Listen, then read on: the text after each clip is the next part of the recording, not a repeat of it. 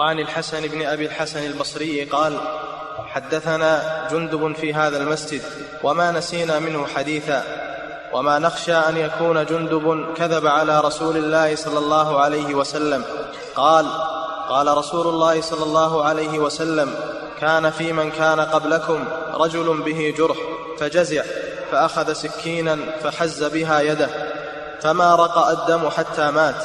قال الله عز وجل عبدي بادرني بنفسه فحرمت عليه الجنة. نعم هذا الحديث حديث عظيم ونحتاج إليه في هذا الوقت أكثر من غيره. هذا رجل في من كان قبلنا يعني في الأمم السابقة. والنبي صلى الله عليه وسلم يحدث عن الأمم السابقة أحيانا لأجل العبرة والعظة. فهذا رجل ممن كان قبلنا.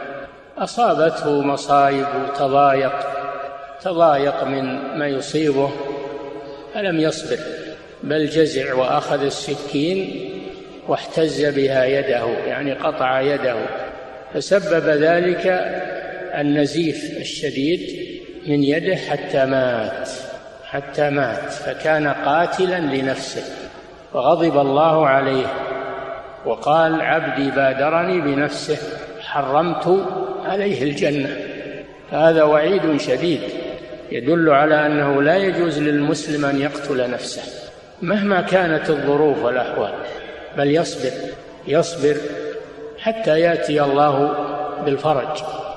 ولا يجزع ولا يقتل نفسه. لأنه إذا قتل نفسه للتخلص مما هو فيه يواجه شيئا أشد مما هو فيه وهو العذاب والنار والعياذ بالله. فهو بزعمه يحسبه يبي يتخلص وهو يقع فيما هو أشد فر من الرمضاء أو استجار من الرمضاء بالنار والعياذ بالله. وأجب على المسلم أن يصبر على ما يصيبه ويتحمل ولا ييأس من رحمة الله عز وجل. فالذين ينتحرون الآن وكثر الانتحار في وقتنا الحاضر لأنهم لا يؤمنون بالله عز وجل ولا يؤمنون بالقضاء والقدر فيقتلون أنفسهم. أما المؤمن الذي يؤمن بقضاء الله وقدره فإنه يصبر فإنه يصبر ولا يقتل نفسه مهما كانت الظروف يصبر ولا يقتل نفسه. فدل على أنه لا يجوز للإنسان أن يقتل نفسه تحت أي ظرف ولكن يصبر على ما يصيبه. وينتظر الفرج. وفيه الوعيد على من قتل نفسه. وعيد الشديد أن له النار والعياذ بالله.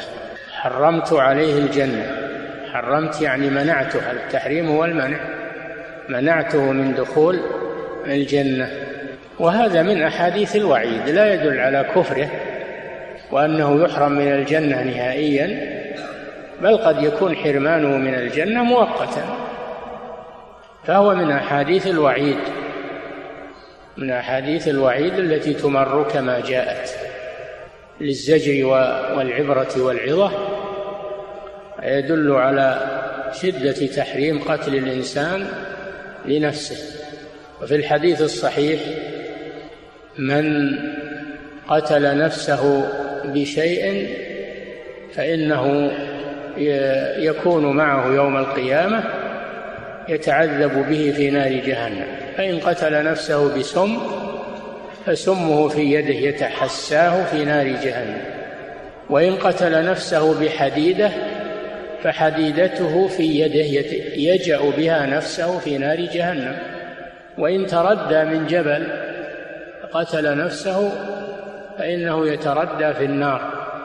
وكان رجل مع الصحابة مع النبي صلى الله عليه وسلم شجاع يقاتل ويصول ويجول في القتال فأعجب الصحابة فعله وقالوا ما أحد منا عمل مثل ما عمل فلان.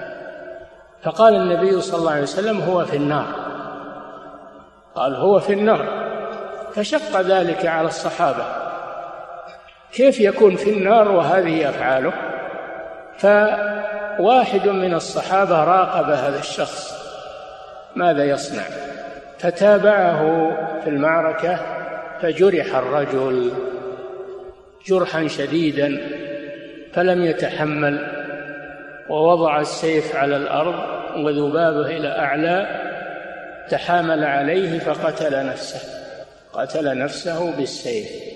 فقال الصحابي صدق رسول الله صلى الله عليه وسلم.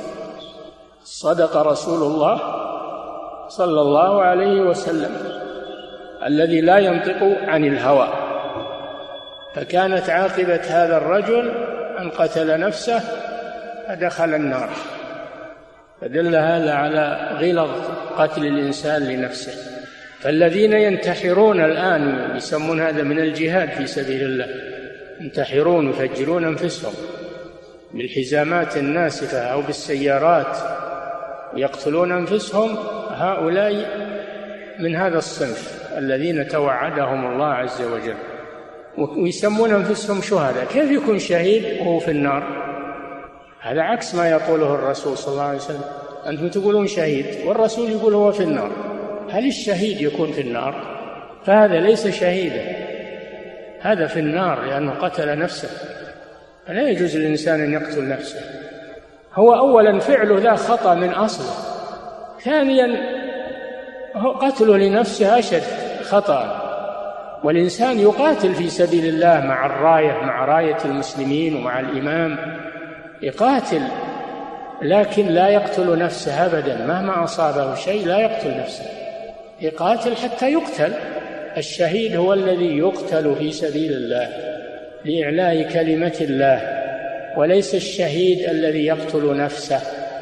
الذي يقتل نفسه ليس شهيدا وإنما هو قد فعل كبيرة من كبائر الذنوب استوجب بها النار والعياذ بالله.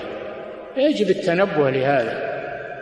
فهؤلاء من قلة فقههم وتلقيهم للأفكار المنحرفة والثقة بدعوات الضلال مارسوا هذه الممارسات الخاطئة التي سموها بالجهاد في سبيل الله سموها بالشهادة في سبيل الله. وهي ليست جهادا وليست شهادة أبدا. فعليهم أن يتوبوا إلى الله عز وجل. وعليكم أن تنصحوا هؤلاء الذين يقبلون النصيحة. عليكم أن تنصحوهم. وتبينوا لهم هذه الأفكار الخبيثة وأنها ضلال وأنها ليست من الإسلام في شيء وليس هذا هو الجهاد في سبيل الله. عليكم أن تبينوا لهم لأنهم مغرر بهم. يتلقون هذه الأمور عن إما عن جهال وإما عن ضلال. فعلى طلبة العلم وعلى العلماء أن يجدوا في بيان هذا الأمر لشباب المسلمين ليتراجعوا عن هذه الأفكار الخبيثة والدين النصيحة كما قال النبي صلى الله عليه وسلم. نعم.